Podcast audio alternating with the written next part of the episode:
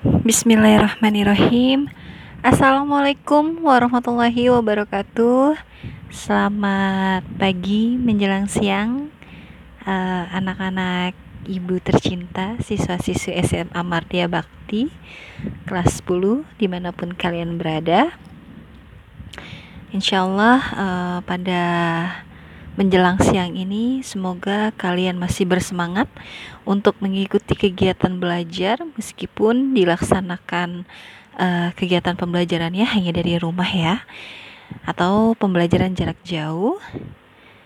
Uh, gimana kabar kalian semua? Uh, tentunya uh, bahwa kita tahu ya beberapa hari yang lalu mungkin uh, dari beberapa kalian termasuk ibu mengalami yang namanya musibah banjir. Masya Allah, uh, dengan ujian cobaan dari Allah banyak ya. Ada wabah, pandemi, virus, corona. Ditambah kita menghadapi yang namanya musibah banjir kali ini Jabodetabek khususnya yang di Bekasi ya karena ibu juga di daerah Bekasi. Namun alhamdulillah hmm, pada hari ini sudah mulai surut banjirnya dan semoga kalian uh, bagi kalian yang terkena banjir rumahnya semoga air banjirnya segera surut uh, namun tetap bersemangat untuk mengikuti pembelajaran jarak jauh uh, yang dilaksanakan di rumah. Namun kita jangan lupa selalu berdoa ya nak uh, agar kita semua dalam keadaan sehat semua dan tetap dalam lindungan Allah Subhanahu wa taala. Amin amin ya robbal alamin. Alhamdulillah berbahagia sekali karena pada siang ini ibu masih dapat menemani kalian lagi meskipun uh, uh, keadaan kita masih kurang baik ya.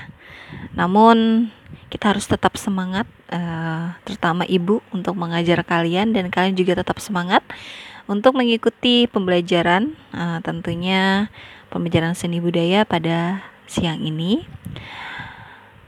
Uh, di mana kali ini Ibu akan memberikan materi pembelajaran dengan menggunakan metode Spotify. Jadi selama beberapa menit ke depan, Ibu harap uh, kalian akan tetap selalu mendengarkan Spotify kalian. Uh, namun sebelum pembelajaran dimulai, Alangkah baiknya kita berdoa terlebih dahulu ya nak agar kegiatan pembelajaran kita bisa terlaksana dengan baik dan apa yang sudah Ibu jelaskan nanti bisa dipahami kalian dan bermanfaat untuk kalian semua. Jadi Ibu persilahkan untuk berdoa terlebih dahulu.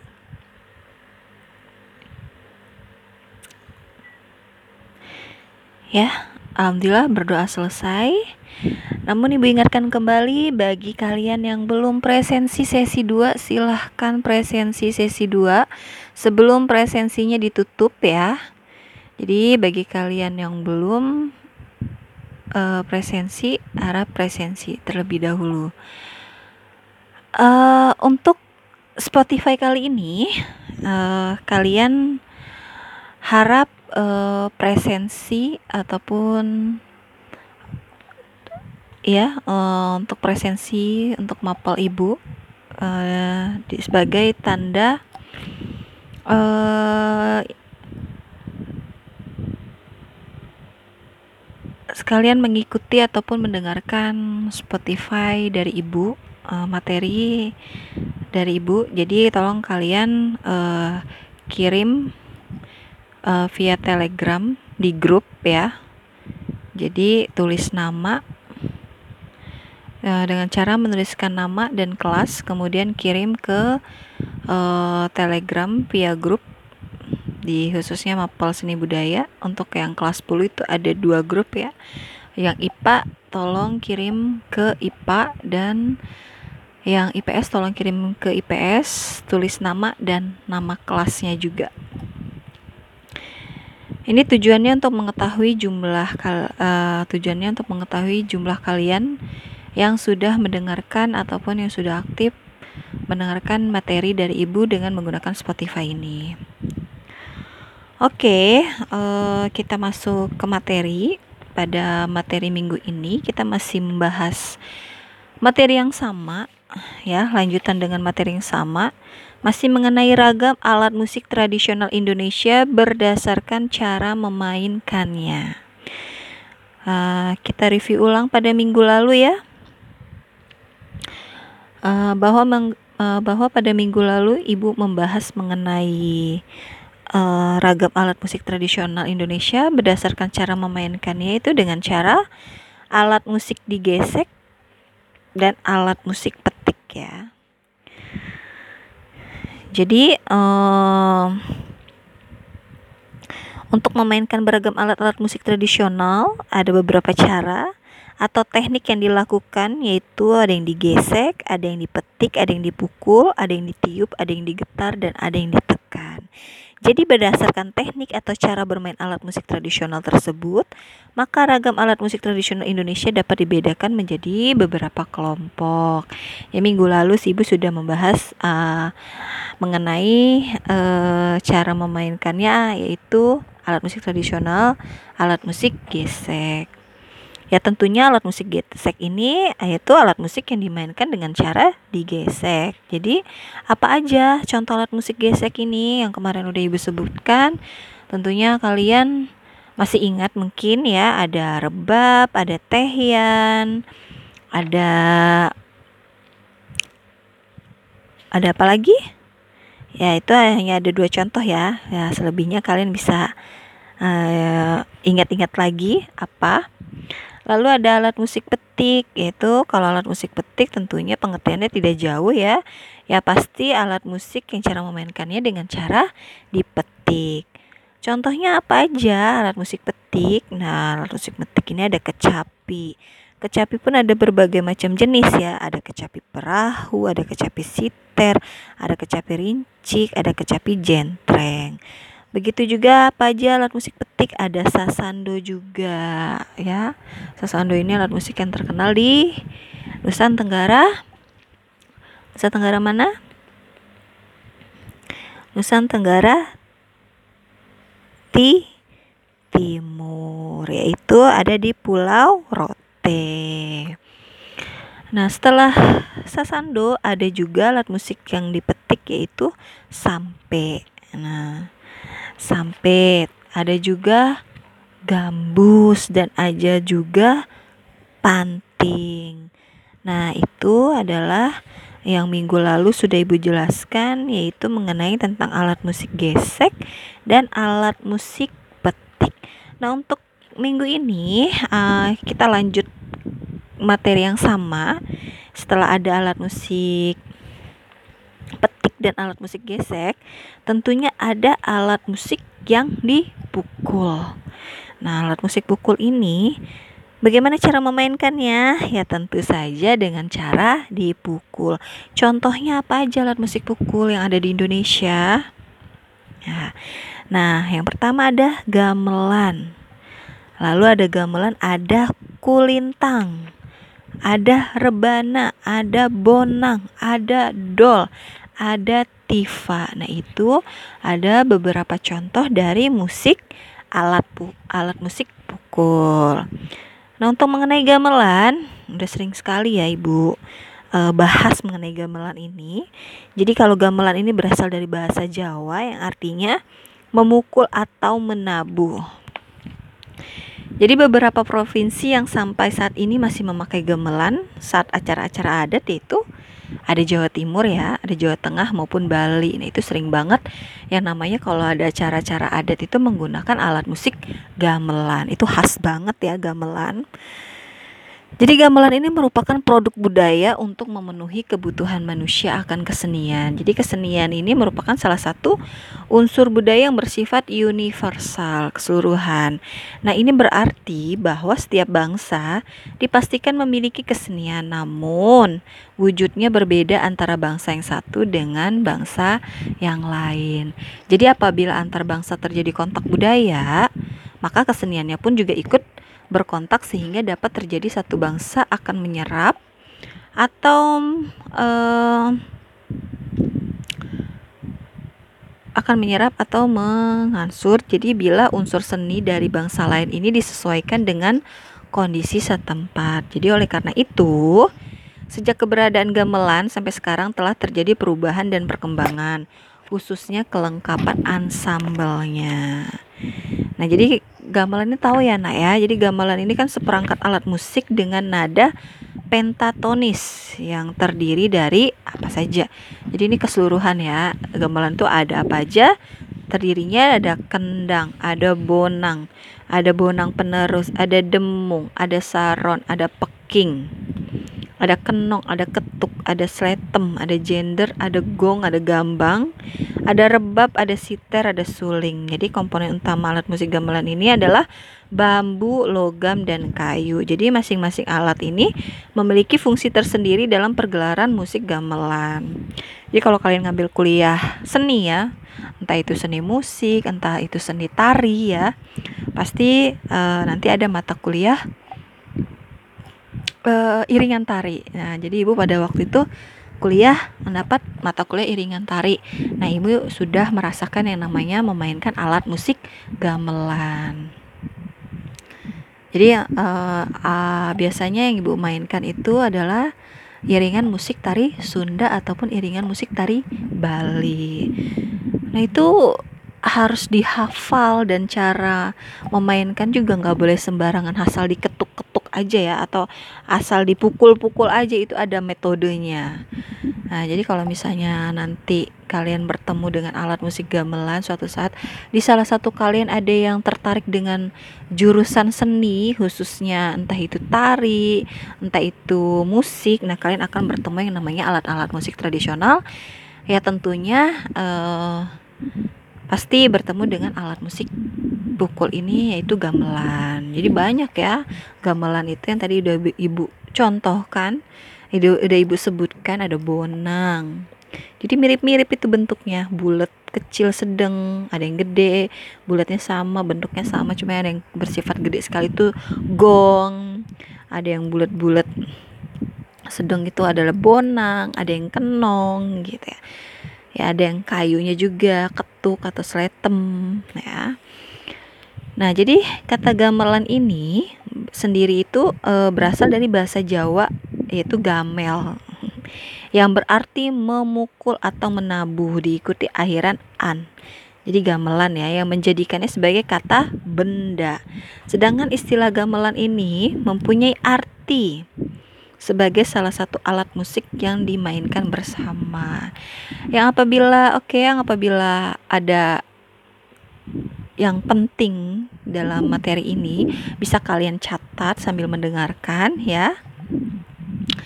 Jadi jangan asal mendengarkan aja karena dikhawatirkan ada yang lupa. Tapi kalau memang ingatannya kuat nggak apa-apa. Kalau emang nggak mau dicatat. Jadi poin-poinnya saja apabila ada yang uh, materinya penting bisa kalian catat. Oke, kita lanjut lagi. Jadi menurut bentuk dan bahannya, gamelan itu dapat dikelompokkan ke dalam tiga jenis. Apa aja, Bu? Nah, gamelan ini dapat dikelompokkan da ke dalam tiga jenis, yaitu apa saja? Yang pertama ada bilah atau wilahan. Nah, ini gamelan yang berupa bilah-bilahan logam, besi atau perungu, dan kayu. Nah, contohnya ini ada apa? Ada apa aja kalau bilah ini? Nah, itu termasuk ke saron, peking, demung, gender, dan gembang. Lalu ada pecon atau pencu. Nah, nah gamelan ini yang terbuat dari logam dan berbentuk cekungan. Jadi di bagian tengahnya itu dibuat menonjol. Jadi ada tonjolan tengahnya. Nah, ini untuk ditabuh atau dipukul. Contohnya ada gong, ada bonang, ada ketuk dan ada kenong. Nah, bentuk lain yang tidak berupa bilah maupun pencon. Nah, ini ada contohnya, ada gendang yang terbuat dari kulit binatang, ada rebab, ada siter yang terbuat dari kawat dan seruling yang terbuat dari bambu. Setelah gamelan, ada juga kolintang. Nah, alat di, alat musik yang dipukul setelah gamelan ada juga kolintang. Nah, alat musik kolintang ini merupakan alat musik asli dari Minahasa, Sulawesi Utara ya. Namun kolintang ini menurut masyarakat Minahasa berasal dari suaranya tong itu nada rendah. Ting itu nada tinggi dan tang itu nada biasa. Jadi ada tiga ya uh, berasal dari suaranya. Menurut masyarakat Minahasa ada tong, ada ting, ada tang. Kalau tong ada itu nada rendah, ting itu nada tinggi, dan tang itu nada nada biasa. Jadi dalam bahasa daerah setempat berarti ajakan mari kita lakukan tong ting tang. Nah, dalam bahasa daerah setempat berarti itu berupa ajakan ya. Itu artinya mari kita lakukan tong ting tang. Nah, ini uh, maksudnya adalah mangimo kumolintang. Jadi ajakan tersebut akhirnya berubah menjadi kata kolintang agar mudah dilafal oleh masyarakat. Jadi kan uh, jadi diganti nggak mungkin kan kita nyebutnya tong tong tintang ataupun mangemo kumolintang. Jadi kan lebih sulit ya. Jadi lebih jadi lebih dipermudah lagi menjadi kata alat musik kolintang biar pelafalan pelafalannya atau pengucapannya mudah untuk kita sebutkan. Jadi alat musik ini terbuat dari kayu, khususnya disusun dan dimain, dimainkan dengan cara dipukul. Jadi sekilas kulintang ini hampir sama dengan alat musik gambang dari Jawa, namun yang membedakan adalah nada yang dihasilkan lebih lengkap dan cara memainkannya sedikit berbeda. Nah, kalau bisa kalian searching ya kulintang ini seperti apa. Jadi bentuknya tuh seperti kayak simetris ya, bentuk meja uh, dengan bilahan-bilahan bambu ataupun kayu. Cuma kalau, kalau kalian masih penasaran bisa kalian searching di Google. Nah, kalau misalnya penasaran bagaimana dengan cara memainkannya, bentuk jenis musiknya bisa kalian cari uh, searching di YouTube ya. Nah, Kulintang ini hampir sama dengan alat musik gambang dari Jawa, namun yang membedakan adalah nada yang dihasilkan ini lebih lengkap dan cara memainkannya sedikit berbeda.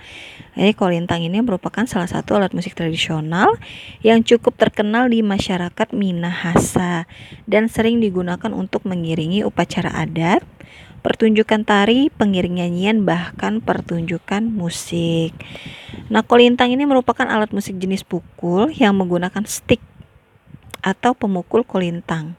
Cara memegang kulintang memang tidak mempunyai satu aturan tertentu, namun tergantung dari kenyamanan si pemain kulintang tersebut. Jadi namun biasanya pemain kulintang akan memegang kulintang di tangan kirinya, di tangan kanannya itu di antara jempol dan telunjuk, atau di tangan kanannya yaitu di antara jari manis dan jari tengah.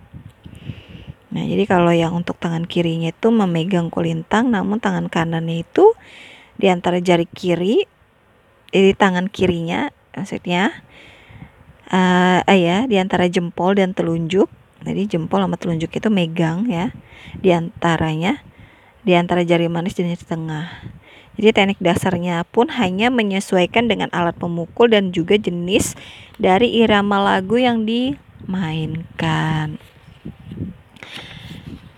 Lalu, beberapa lagu yang bisa digunakan sebagai latihan awal kolintang itu antara lain lagu Sarinanda Halo Halo Bandung. Nah biasanya itu bisa menggunakan alat musik kulintang ataupun lapang paja serta lagu bersama muco.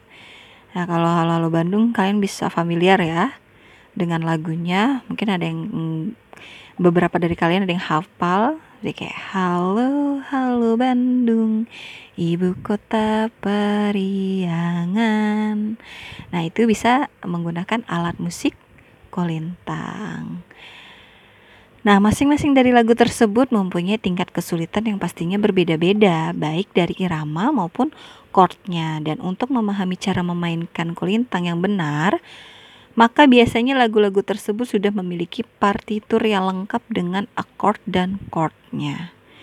Jadi udah udah alat musiknya biasanya lagu-lagunya udah memiliki partitur yang lengkap dengan akord dan chordnya. Nah itu tadi uh, contoh dari alat musik yang dipukul uh, yaitu udah dua pembahasan yang pertama gamelan yang kedua kulintang nah ini selain kulintang sama gamelan ada apa lagi bu ada rebana Nah, kalau kalian rebana itu udah sering banget kalian dengar ya, entah ibu kalian ikut suatu pengajian, pasti uh, sering menggunakan alat rebana ini. Nah, rebana ini biasanya alat musik tradisional yang berasal dari Timur Tengah. Nah, dan terdapat hampir di seluruh Indonesia. Walaupun asalnya dari luar, tapi di seluruh Indonesia rebana ini hampir ada. Jadi rebana ini merupakan salah satu alat musik tradisional yang berasal dari daerah Timur Tengah. Biasanya digunakan pada saat adanya acara kesenian. Nah, alat musik ini beredar luas dan berkembang di Asia Tenggara seperti Indonesia, Malaysia, Brunei, dan Singapura.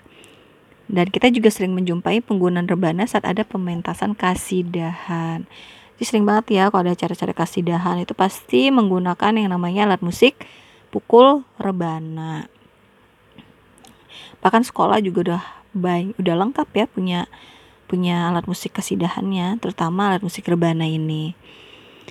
Nah, jenis rebana yang berkembang di Indonesia ini terdapat beberapa jenis dan merupakan ciri khas dari kultur dan budaya daerah tertentu. Nah, jenis yang paling umum adalah apa aja jenis rebana yang paling umum? Ada rebana banjar ada rebana biang ada jidor ada kompang ada marawis ada samroh ada hadro. Nah biasanya kalau sekolah kita itu punyanya yang ibu tahu ya uh, reba, jenis rebananya entah itu marawis entah itu hadro ya nah biasanya yang, uh, yang kita punya jenis rebananya di SMA di SMA Mertia Bakti yang ibu tahu itu jenis rebana marawis dan hadro.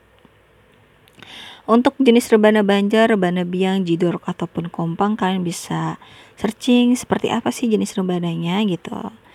Nah, untuk rebana ini merupakan gendang yang berbentuk bundar dan pipih dan terbuat dari bingkai berbentuk lingkaran dari kayu yang dibubut. Jadi salah satu sisi berlapis kulit kambing.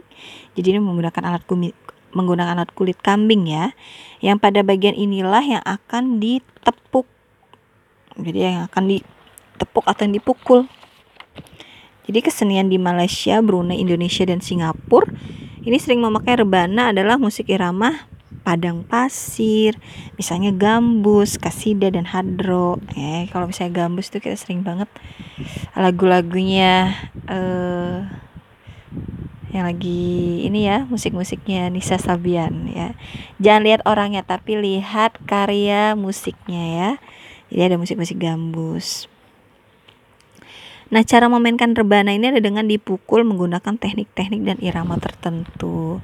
Jadi dipukulnya juga nggak sembarangan pukul ya, pasti menggunakan teknik-teknik menggunakan teknik-teknik tertentu sehingga menghasilkan sebuah irama lagu. Nah, setelah rebana, alat musik pukul juga ada yang namanya bonang. Nah, ini bonang. Ya, bonang ini termasuk dari eh, bonang ini merupakan alat musik yang berasal dari Jawa Timur. Jadi dengan jenis suara yakni idiofon. Tahu ya idiofon yang dipukul dengan pemukul khusus Nah, bonang ini biasanya dimainkan bersama alat musik lain dalam gamelan. Nah, jadi bonang ini merupakan kumpulan dari gonggong kecil yang disebut pot atau ceret dan disusun pada bingkai kayu yang disebut jaleran atau rancak. Jadi gonggongnya tuh bentuknya seperti kayak gong cuma berbentuk kecil. Nah, itu disusun pada bingkai kayu Nah, yang disebut namanya jaleran atau rancak.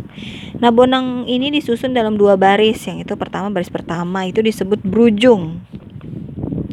Brunjung. Maaf, bukan brujung ya, berunjung.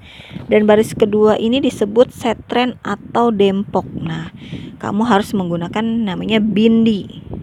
Nama alat pemukulnya itu namanya bindi. Nah, itu khusus pemukul bonang.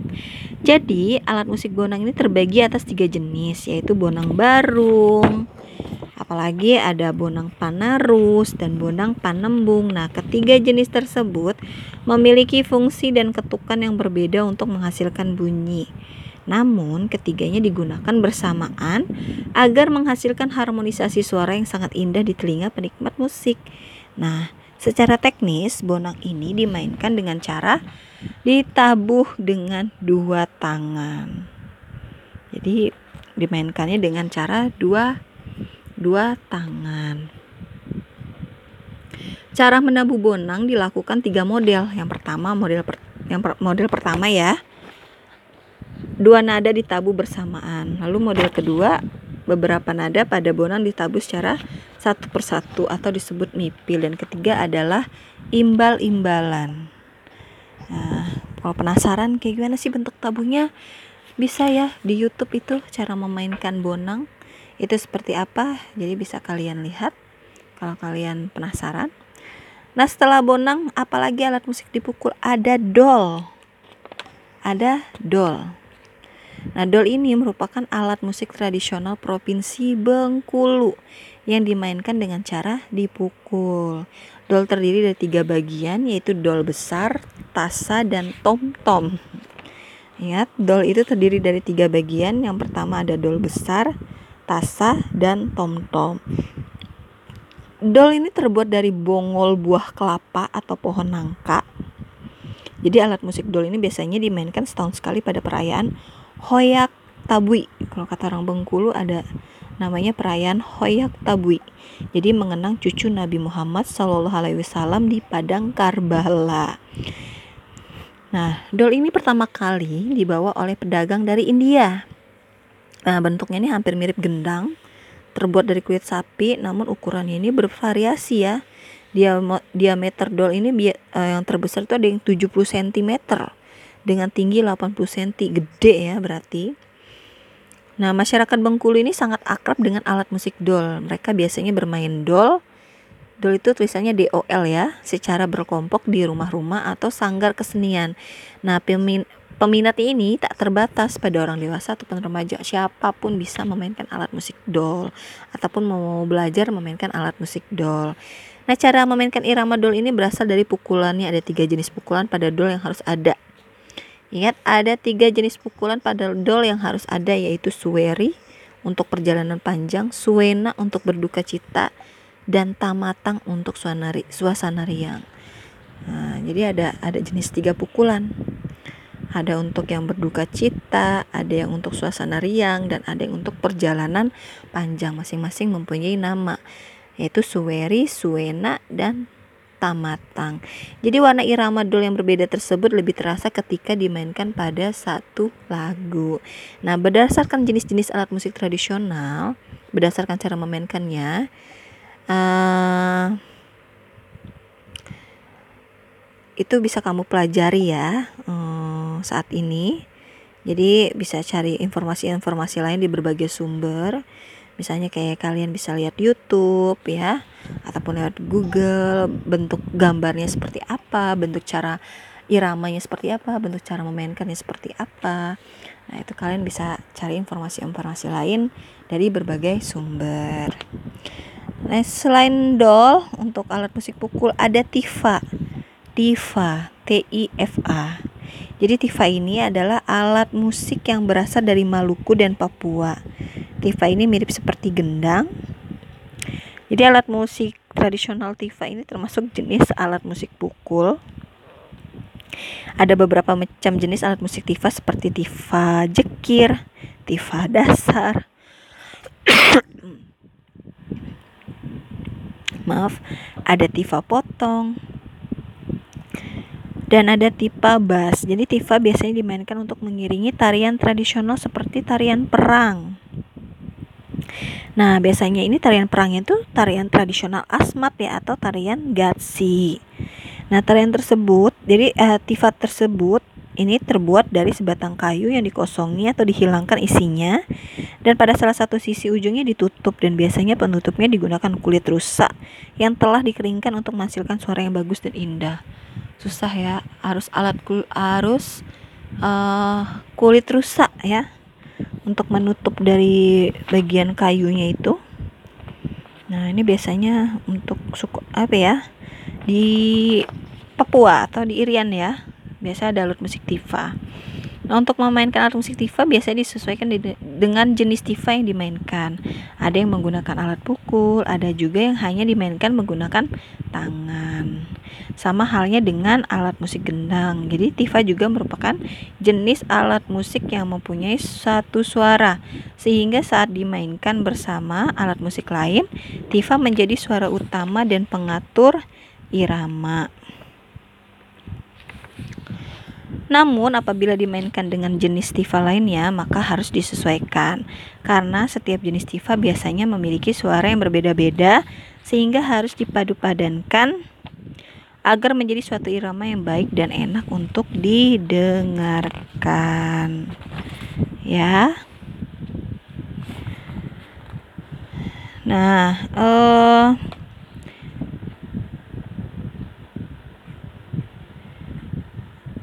Oke, uh, untuk untuk materi ragam alat musik tradisional Indonesia berdasarkan sumber bunyinya uh, yaitu yang pertama ada ada alat musik pukul, ada alat musik petik, ada alat musik gesek.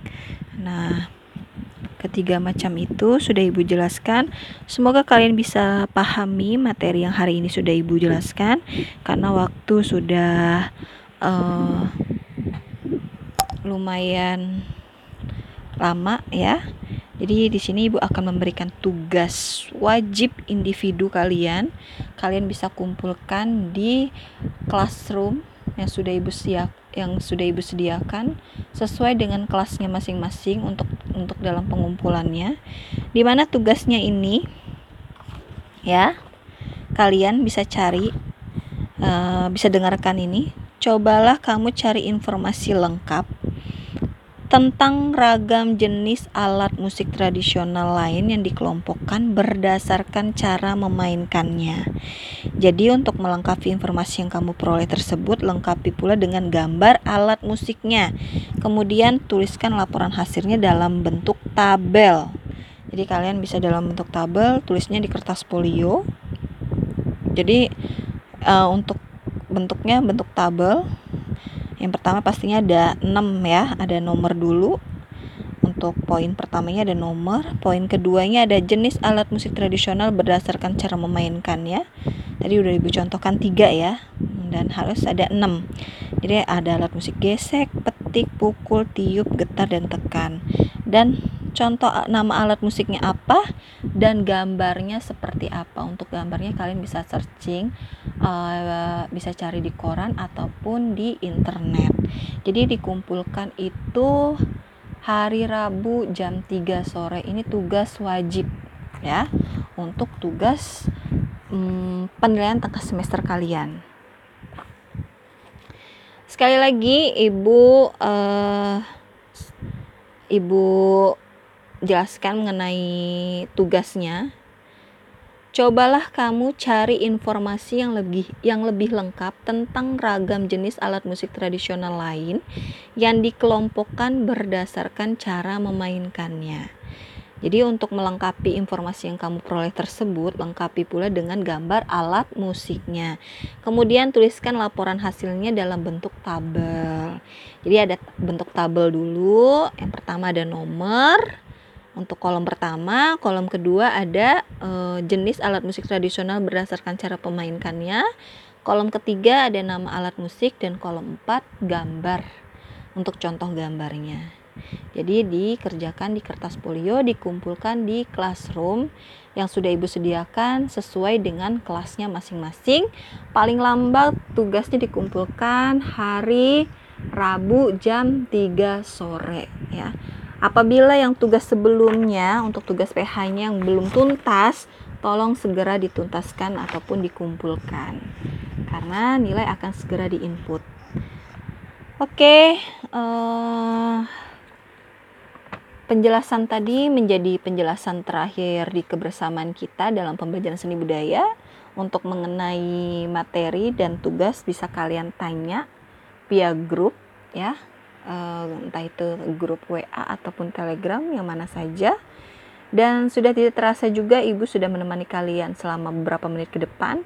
Kini waktunya saya Ibu Fitri Handayani harus undur diri. Mohon maaf jika ada penjelasan yang belum dipahami. Kalian bisa mencoba kembali bertanya yang baik via WA ataupun Telegram entah itu pertanyaan mengenai materi entah itu pertanyaan mengenai tugas Jangan lupa untuk menjaga kesehatan selalu. Ingat pesan ibu yaitu 3M, memakai masker, menjaga jarak, dan mencuci tangan. Terima kasih. Waalaikumsalam warahmatullahi wabarakatuh.